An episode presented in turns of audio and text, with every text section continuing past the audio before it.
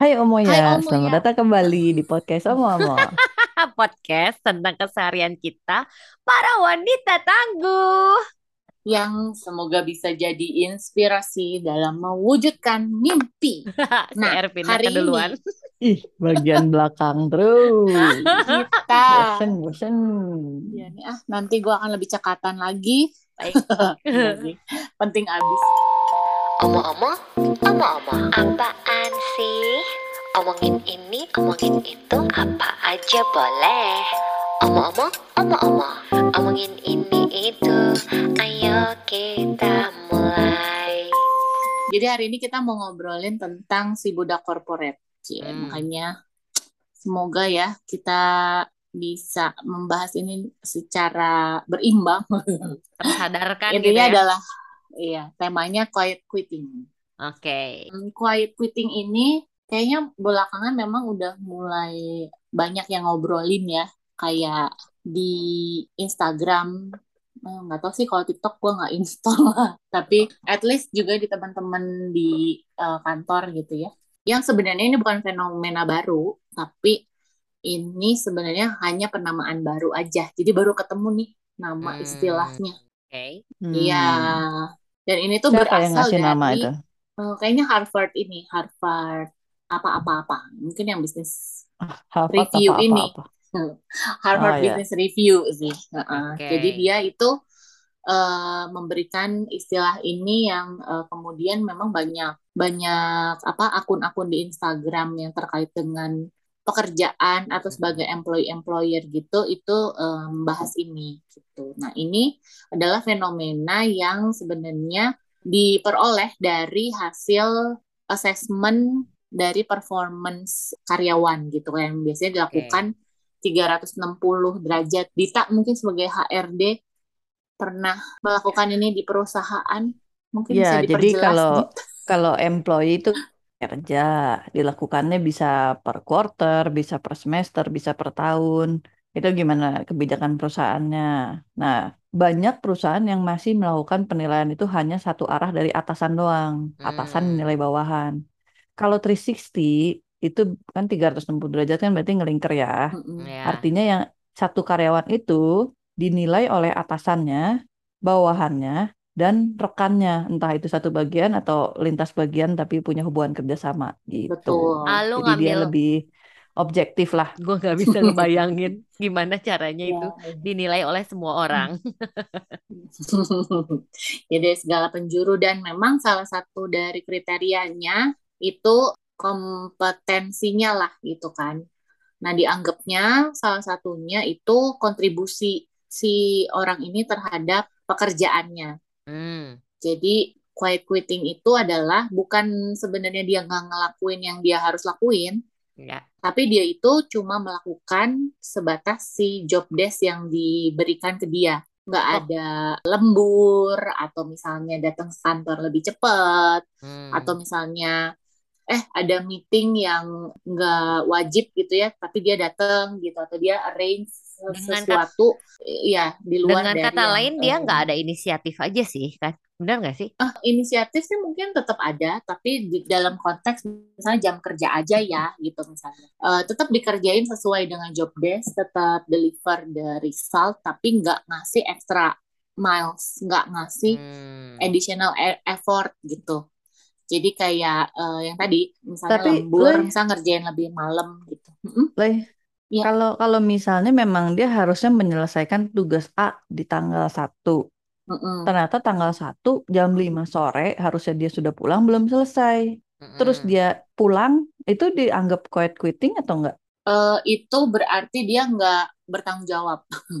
Itu Karena ya. kalau dari sini, ya karena kalau dari sini tuh bukan core task-nya yang dia nggak kerjain, tapi misalnya ditun, misalnya gini, kamu Jadi kerjaannya gini, adalah accounting, si tapi ini kita punya budgeting yang project lain yang dia nggak pegang, misalnya kan dia bagi cuman kita deh hmm, mau mau coba cari apa gitu, nah itu dia kayak eh, resist itu ngelakuin di luar jam kerja gitu, jadi kayak ya udah oke, tapi nanti mungkin ya udah sesuai porsinya aja, misalnya Tapi kalau gitu. misalnya kayak gitu ya, maksudnya kalau dia tetap membantu orang lain gitu ya segala macam atau maksudnya memberikan lebih dan dia memberikan hidupnya hanya untuk di korporat gitu ya capek juga kali gimana punya kehidupan gitu kalau misalnya dia apa-apa tentang pekerjaan gitu. Di mana ya kalau di bahasa Mandarin tuh kita ada sih nyebutnya gitu itu ping. Jadi ciye itu kayak profesi lah jadi apa yang lu masterin ping itu penyakit. Ya kayak gua gini ya contohnya adalah kalau misalnya karena gua anak DKV begitu lihat poster salah satu poster aja misalnya atau enggak iklan Mm-mm. gue tuh kan langsung aware-nya adalah ih ini kok nggak rata ya? Atau misalnya ih ini kok warnanya ngejreng banget kenapa nggak dikurangin? Nah itu itu udah termasuk ceyeping ketika lu nggak berada di kantor pun lu tuh eh, memikirkan kerjaan gitu. Nah jadi kalau buat gue malah kalau kayak gitu hidup lu berarti cuma buat gue kerja doang ya. tuh. Nah. Nggak gini.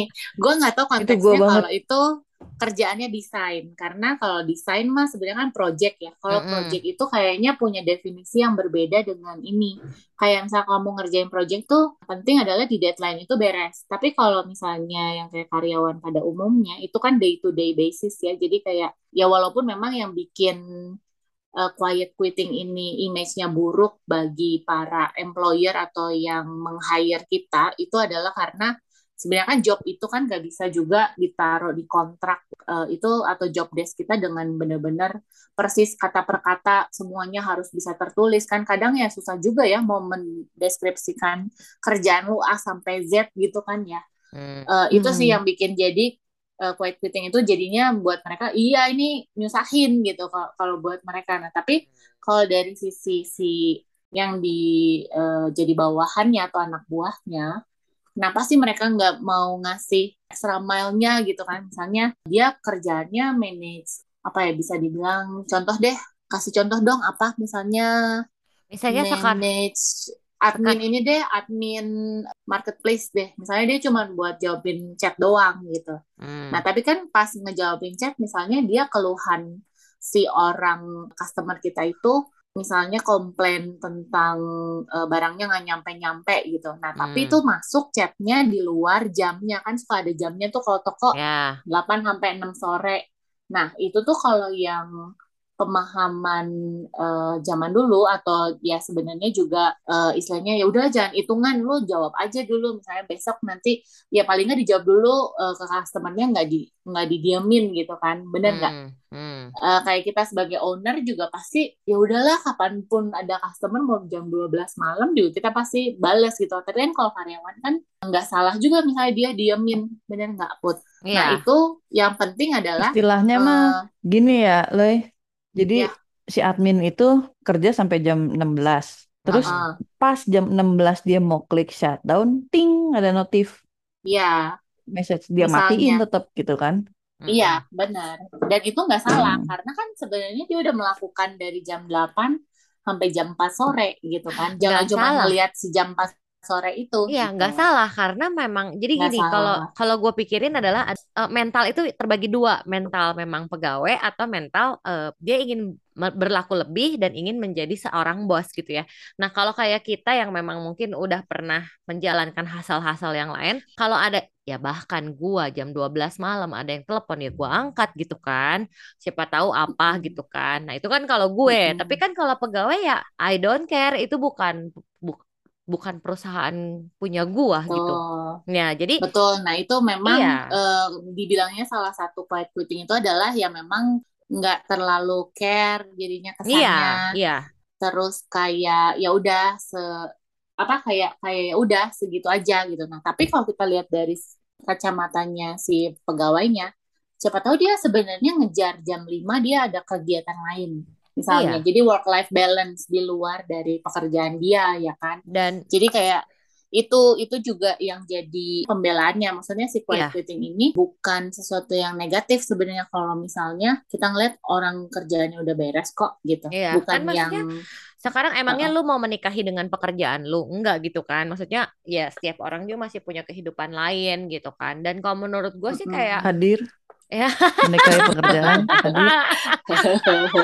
eh ups kesepet Nggak, tapi maksudnya buat gue sih em, sah-sah aja karena gue juga me- memiliki pegawai yang serupa gitu ya. Tapi buat gue ya gue me- menghargai privasi mereka juga ya gitu. Dan ka- menurut gue juga agak susah ya untuk membuat seseorang jadi kayak kita. Maksudnya yang ngebalesin message kapan pun itu tidak mudah kalau buat gue ya karena mereka ya bukan gue gitu beda gitu kan cara pemikirannya jadi kalau buat gue kayaknya untuk kalau misalnya ya ini orang-orang ingin memberantas soal si quiet quitting ini kata gue sih PR besar dan susah loh karena Enggak, gas enggak ada yang memberantas nggak ada sih. ya Enggak, enggak. Jadi arahannya adalah jadinya kita menangani si quiet quitting ini, fenomenanya, dicari root cause-nya apa, akar permasalahannya dari mana nih sampai keluar fenomena ini. Maksudnya sampai misalnya ya anak buah kita kayak gini gitu kan. Kita mendapati, oh anak buah kita tuh datang nggak telat sih, on time, pulang juga on time, kerjaan beres, tapi sayang aja gitu dia kenapa nggak sedikit lagi kita bakalan bisa kok appreciate dia dengan kasih bonus atau apa. Nah, tapi itu jadinya adalah ke arah si root cause-nya ini dicek. Jadi si Harvard Business Review ini Mm-mm, dia tuh ngambil dari studi data mm-mm, assessment tadi dari kalau nggak salah 2020 ya. Eh, lumayan lah 13.000 orang gitu ya, 13.000 data mm-mm, employee rating dari 2.801 manajer gitu. Jadi kayak 360-nya mereka. mm-mm, Nah, eh, pemahamannya ada dua put yang tadi kamu bilang. Jadi antara si tempat kerja itu adalah sebenarnya tempat kita untuk ya emang doing more work kayak kayak Dita lah ya emang kalau kerja ya harus nggak boleh hitungan misalnya ya kalau emang butuh lebih ya lebih kasih aja gitu. Tapi ada mm. juga yang ya emang harus work life balance, harus balance kebutuhannya kerja beres, tapi juga kita punya kebutuhan di luar kerja yang juga harus dipenuhi gitu. mm-mm. Nah, didapat didapati bahwa manajer yang punya pemikiran ya tempat kerja adalah memang tempat untuk kamu tuh mau nggak mau ada kerjaan tambahan gitu kan. Itu tuh menghasilkan quiet quitting yang lebih apa ya, lebih tinggi dan juga orang-orangnya anak buah apa eh, di- kita bilang aja lah anak buah ya si Mm-mm. si orang yang quiet quittingnya ini Mm-mm. memberikan extra mile juga nggak banyak gitu jadi kayak cuma 20% jadi Mm-mm. kan tetap ada dong yang walaupun apa bosnya berpikir demikian tapi dia tetap juga ngasih extra mile ya, tapi cuma 20%. Terus Beda dengan manajer yang punya pemikiran sebenarnya tuh harus work life balance. Nah, Terus? itu menghasilkan tim yang memberikan extra mile-nya itu 62%, tiga kali lipat lebih banyak daripada bos-bos yang berpikir bahwa tempat kerja itu emang harus untuk orang-orang yang mau kasih extra mile. Malah ngasih extra mile-nya lebih banyak di orang-orang yang balance balancing relationship gue malah itu. jadi lihat eh, coba dicek dulu timnya eh, eh, MBTI-nya apa soalnya menurut gue kayak gini mungkin lebih ke arah gimana personality-nya nggak sih ketika orangnya Iya, memang iya. Tunggu, tunggu. kompetitif Tapi se- sebelum ngomong ke solusinya, itu Hmm. kenapanya dulu sih. Jadi kayak ya tadi si bos-bos ini berarti kan memang ada dua jenis eh, cara dia memperlakukan anak buahnya atau timnya gitu. Nah, itu ada yang memang berpendapat perusahaan ya butuh kamu kalau misalnya nih saya punya tim isi 10 orang masing-masing ngasih 10% aja additional effort gitu ya. Itu kan udah akan meningkatkan produktivitas kayak kita punya 11 orang gitu kan. Jadi itu ada memang eh, latar belakang ke sana. Yang mungkin kalau dibilang berarti result oriented gitu. Eh nanya dong. Iya. Jadi ini cuman ngomongin jam kerja atau kayak misalnya tugas dia admin, tapi terus dia punya inisiatif ngomong ke atasannya, "Eh, kayaknya kalau misalnya sistem packingnya kita rubah begini akan lebih efektif deh. Nah itu itu termasuk extra mile nggak? eh, tergantung Jadi kalau misalnya si pegawai admin itu Tergantung. merasa harusnya gitu, tapi ah itu bukan urusan gua, itu termasuk quiet quitting nggak? Kayaknya semi iya, karena kalau di quiet quitting itu juga ada more creatively, kerjanya tuh lebih kreatif. Berarti kan dia memikirkan improvement. Hmm, Tapi juga sebenarnya bisa Iya, jadi iya. gini, kenapa semi bukan berarti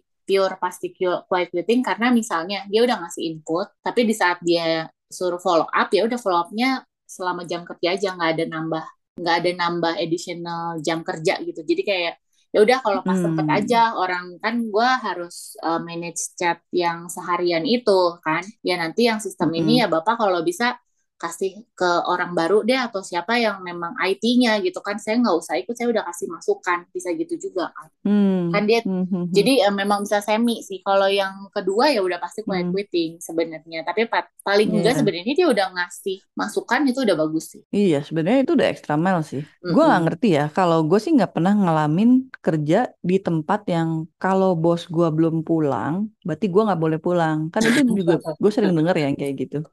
Betul betul itu juga ada tuh Nggak yang berani pulang soalnya bos gue belum pulang gitu. atau harus datang sebelum bosnya datang ya Heeh. kan Mm-mm. Iya, gue nggak pernah ada di posisi dan nggak pernah lihat yang langsung yang seperti itu sih. betul itu tapi kayaknya praktek yang juga karena generasi lama sih yang nggak sih ya nggak tahu mm-mm. lah ntar gue mencap generasi lagi tapi maksudnya pemahamannya ternyata dari studi aja terlihat bahwa yang memang balancing relationship gitu kan maksudnya dia dia mau ada effort gitu untuk membangun timnya itu ternyata Hmm, timnya memberikan extra mile malah ya kan dibandingkan otomatis dia ya. yang minta eh, eh, bahwa memang kalau lo kerja ya lo harus nggak usah hitungan misalnya gitu kan itu malah yang ngasih Hmm. additional effort tuh lebih sedikit gitu Hmm. Nah, Jadi oke. Nah, sebenarnya sekarang gini, Mm-mm. sekarang gini. Lu sendiri lah sebagai budak korporat, hmm. lu quiet quitting nggak? gua nggak wis pede banget ya gua ya tapi gua itu pas Lu baca lu ini bukannya tipe yang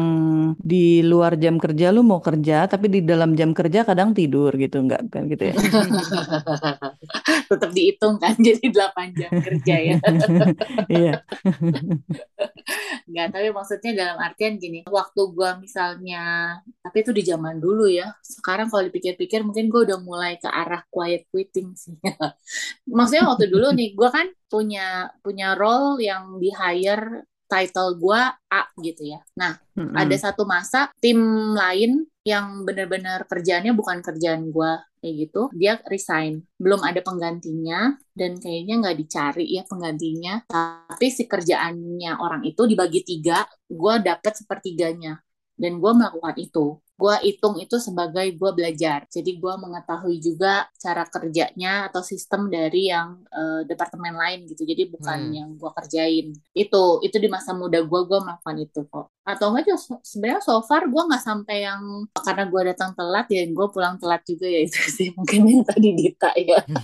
Eh, sebenarnya gue jadi mikir ya, mungkin nggak sih orang yang melakukan quiet quitting itu kebanyakan yang misalnya dalam hidupnya itu dia nggak ada naik level gitu maksudnya, mana ya? Nah, Jadi ada nih benar-benar benar. benar nggak sih? root cause root cause-nya benar. Jadi katanya kalau digali-gali si resultnya itu mereka tuh bilang mereka merasa nggak dihargain. Ya anggap aja ya. Jadi effortnya itu nggak di value gitu. Iya, nggak anggap aja nih ya, satu perusahaannya bukan tiga empat orang aja gitu, yang isinya ratusan bahkan ribuan. Menurut gue banyak dah yang quiet quitting, nggak bisa tapi kan gini, semuanya. kamu nggak usah ngelihatnya satu perusahaan ada ribuan, tapi kan itu terbagi ter- menjadi tim-tim kecil. Paling satu satu atasan Nah, pegang tapi 10 kali. Nah, gini, dari satu as- atasan ada bawahan 10, tapi dari 10 itu yang bisa naik nanti ngegantiin jadi jabatan atasannya kan cuma satu, nggak bukan 10-10-nya, Kak. Betul. Tapi Nah. kan kalau untuk dia memanage hasil kerjanya harus masing-masing semua dia tahu dong, Iya, ya tapi kan? kan Nah, itu kemarin eh kemarin lagi ya, kayak baru kemarin. Ini hasilnya sih itu, jadi tidak dihargai sih dilihatnya. ya dan kesempatan untuk menjadi seseorang yang prima dan prima dona itu gitu ya, tidak bukanlah hal yang mudah loh gitu. Dia harus menjadi seseorang yang dilihat dari 10 orang, dia harus menonjol sendiri kan nggak gampang juga gitu sebenarnya gitu. Jadi kalau Ya, nah, ya, Iya, itu yang dibilang sama si eh, manajer-manajer ini adalah ya lu kayak tadi Puput bilang, lu justru ekstra mile itu ya otomatis kalau lu mau kelihatan gitu. ya kan? hmm, Iya. Nah, padahal nah berarti kan si karyawannya ini demotivasi. Ya, Mm-mm. Berarti ada sesuatu yang membuat dia yang tadi ya benar kalau dia mau menonjol harusnya ada extra mile gitu kan. Mm-mm. tapi tidak dilakukan. Nah, Berarti masalahnya ini tadi dari masalahnya itu dari sisi perusahaan, misalnya dari sisi perusahaan kadang kalau lihat kayak gitu kan suka nggak introspeksi ya, nggak lihat, oh Mm-mm. apakah gue membuat karyawan gue tidak happy gitu. Dia lebih ke Hmm. langsung, ah ini orang nggak nggak bener nggak nih. ngasih ekstra, nggak Iya. nggak Atau mau itu kerja keras nih, males-malesan oh gitu apakah langsung. perusahaan gua udah kasih sistem yang bisa men-tracking kalau dia tuh udah ngasih extra mile. Jangan-jangan extra mile-nya dianggap yang seharusnya kan padahal jadinya nggak fair gitu kan sama si karyawannya kalau misalnya Hmm. dibilang di- dinaikin gitu standarnya. Nah, itu yang bikin nggak dihargai sih akhirnya kan jadi kayak eh, cinta bertepuk sebelah tangan atau jadi kayak miskomunikasi lah ya bisa dibilang. Hmm. Tapi kalau kayak gitu memang Mm-mm. sebenarnya basicnya dari komunikasi nggak sih? Jadi si karyawannya nggak Mm-mm. komunikasiin, saya tuh sebenarnya udah extra miles loh, saya udah ngasih ini. Dan si perusahaannya sendiri juga nggak ngasih tahu, saya sebenarnya udah extra miles loh ke kamu. Hmm. Karena banyak Iya, karyawan tuh nggak puas. Karyawan tuh sangat mudah untuk tidak puas terhadap perusahaan.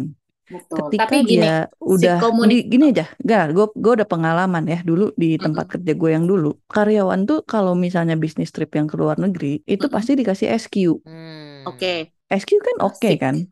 Banget. Mm-mm.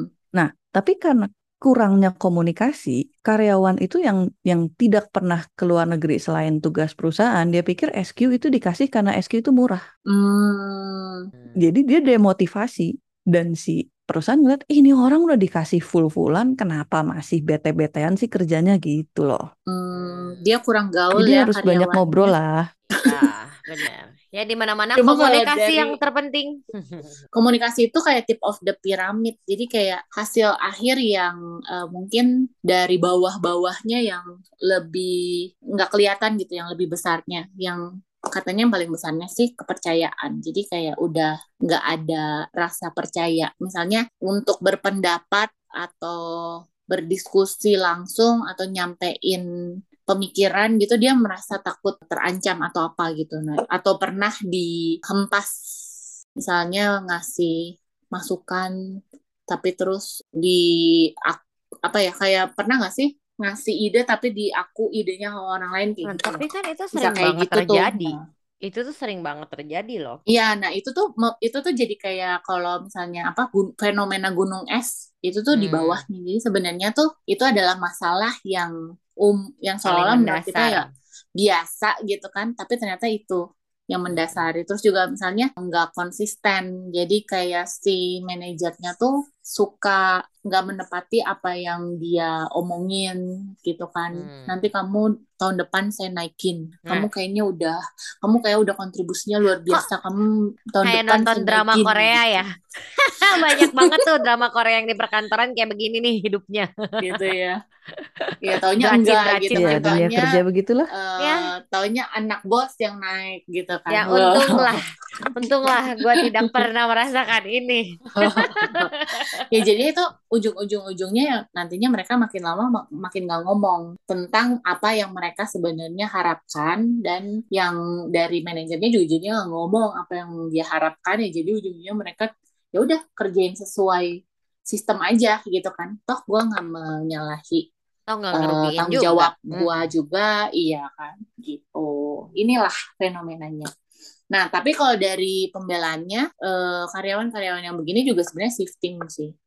Jadi kayak ya nggak mungkin lah, udah nggak zaman kita tuh kalau kerjaan adalah inti dari eh, hidup kita gitu. Hmm, Harus ada Hmm. work-life balance. betul. Itu. mm-mm. Jadi hidup bukan untuk bekerja saja. Hidup Itu juga Nah, kalau suka gimana dong? Nggak apa-apa. Berarti eh, beruntunglah Anda karena itu ternyata menghasilkan juga pundi-pundi yang emang dibutuhkan kan untuk hidup. itu jadi si Hmm. work life balance ini juga sebenarnya eh, ya wajar gitu nggak nggak yang lu di penjara gitu kalau misalnya kerja ya harus kerja Lalu tiba-tiba mem gue tiba-tiba membayangkan kalau gue ada di satu perusahaan, mungkin gue antara menjadi seseorang yang mencari challenge-challenge karena gue cepat bosan, tapi mungkin juga Mm-mm. loh gue bisa bisa banget gue tuh quiet quitting di mana gue mah pokoknya gimana gue aja dah hidup-hidup gue anjir. Atau kita kerjain side hustle aja Iya, gitu lu, kan lu yang ternyata lebih rebelnya gitu sih. gitu. Heeh. Jadi mungkin kalau sebagai HRD, Dita itu Hmm. tidak akan mempekerjakan gua. Enggak, enggak udah jelas kalau itu sih.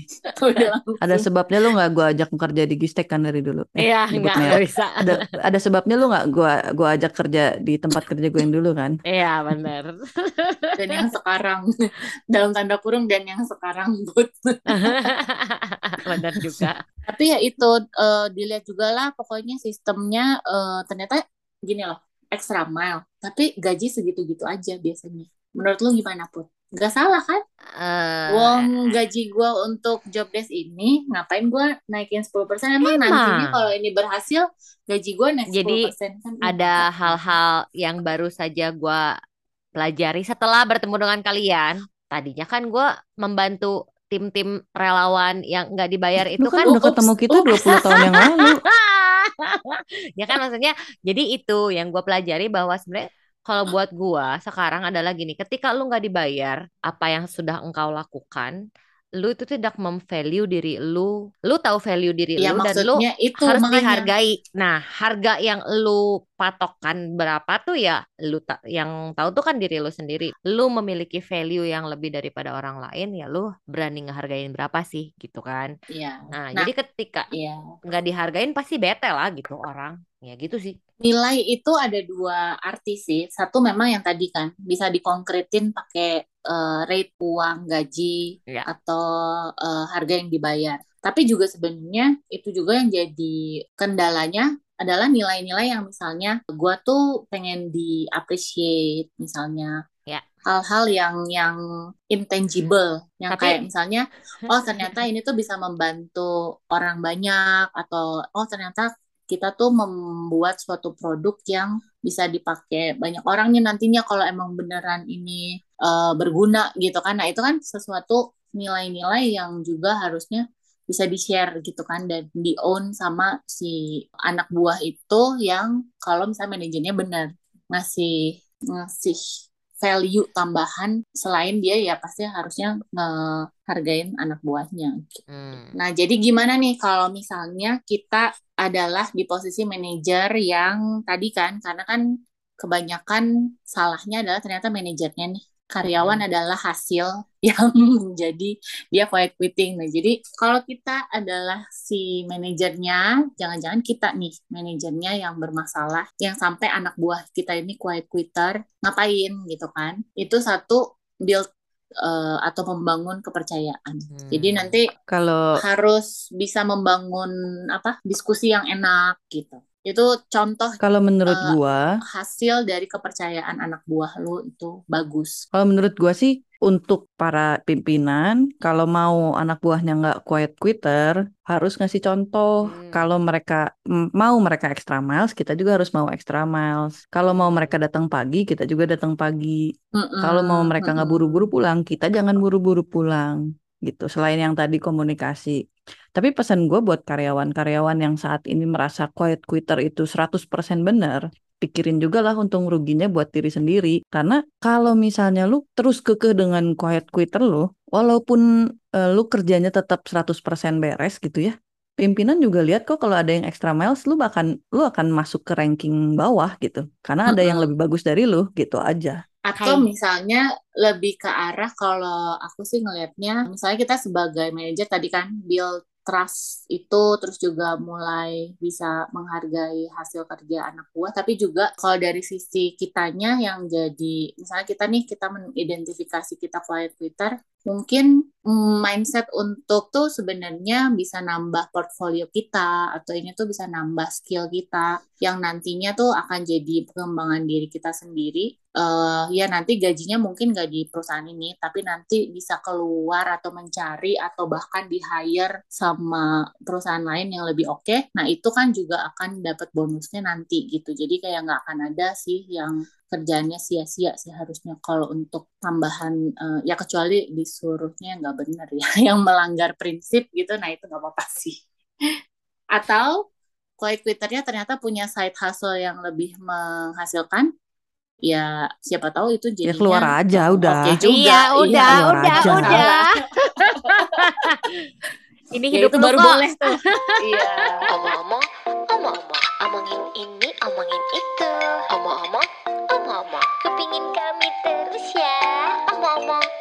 Wow